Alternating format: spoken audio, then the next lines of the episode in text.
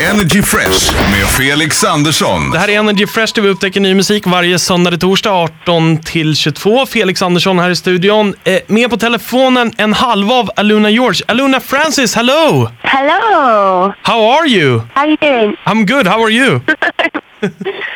I said I like talking at the same time. okay, okay. Where in the world are you right now? I'm in Los Angeles. In Los Angeles, okay. The place for every artist to be, right? Yeah. Would you say that uh, Los Angeles is, is the best inspiration for you when you're making music? No, no, no. It's just, you know, something people do as musicians. Like, when you get all together, it's fun. And But I'm never in one place for more than about three weeks or two weeks. I'm always somewhere. When, when you're writing music and stuff like that, where do you find all the inspiration? From human stories, from stories that people tell me, from my own stories. But it's always a real life situation. Wh- When you have a day off, a complete day off, what do you do? Um, I usually do something like maybe something with my hands, like a crafty thing, um, or some cooking, or go out for a walk or something. So, so just natural things then. I must say, by kicking off this interview, you are one of my favorite vocalists, actually. I've been listening to your music Aw. for such a long time, and you're really good. And and one of the tracks I'm I'm stuck with, it's stuck in my head. I can't get it out. It's the track you made with Jack Ü uh, to you. Ah, yeah. Uh, what what do you have to say Um, about working with Diplo and Skrillex? Well, that track happened in a very um, spontaneous way.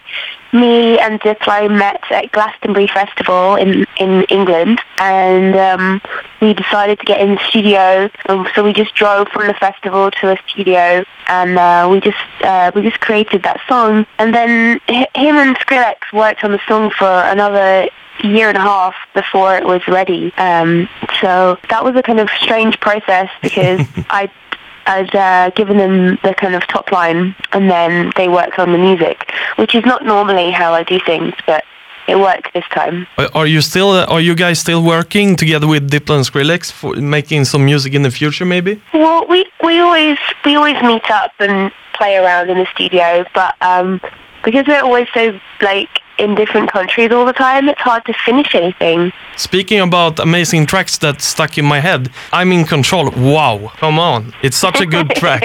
Seriously. Can, can you tell me about the process for the track? Well, um, that actually was written in London. Me and George were just doing our usual London thing, and we we wrote this song, and it was a lot faster. It was 120 BPM, and it didn't have those lines. I'm in control, and it, it sat there in the, you know, in the computer for a while, and, then, and it suddenly occurred to me that we should change the lyrics. So we changed the lyrics um, to "I'm in control," and I was like, okay.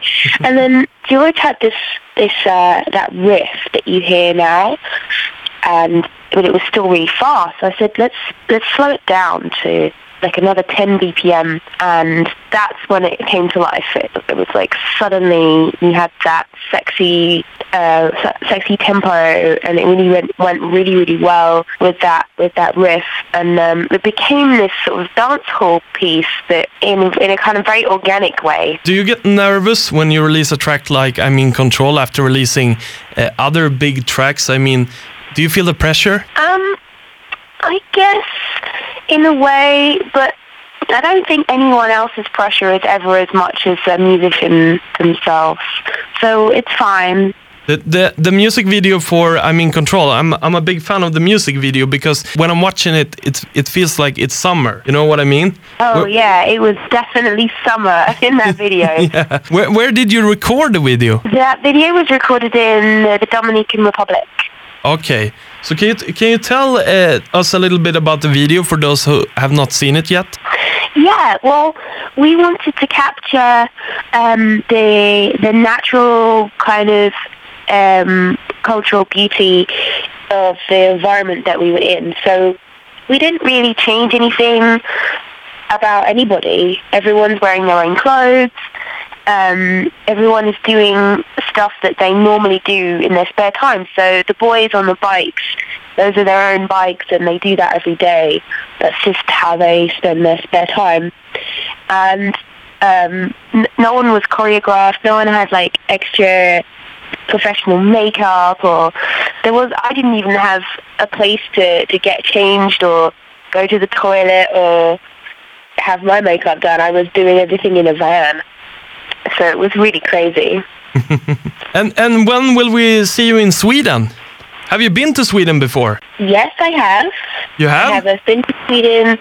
Yeah, I did a couple of festivals um, before, and um, we're going to be back in Europe for sure um, in the, at the end of the summer. I'm looking forward to that. I can't miss that. And and uh, what do you think about Sweden? Well, Sweden for me has always um, had a lot of a design influence for me because um, as as a musician, I've always included a lot of attention to graphic design and the way that the music is represented by art and things like that.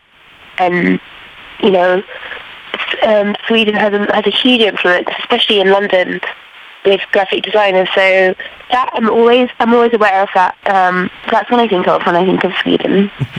Always when I ask people about that question, the the, the answer is always, yeah, the coffee in Sweden is great. So you had a good answer. Oh, the coffee. Yeah, the coffee. Okay. I don't know why. Neither do I. Aluna Francis from Aluna George, thank you so much for taking your time. I wish you the best, and I'm looking forward for new music. it's been an absolute pleasure. I'll see you again. Take care. Bye. Bye. Energy Fresh med Felix Andersson.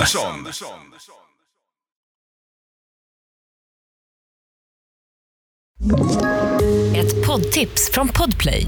I fallen jag aldrig glömmer djupdyker Hasse Aro i arbetet bakom några av Sveriges mest uppseendeväckande brottsutredningar. Går vi in med hemlig telefonavlyssning och, och då upplever vi att vi får en total förändring av hans beteende. Vad är det som händer nu? Vem är det som läcker?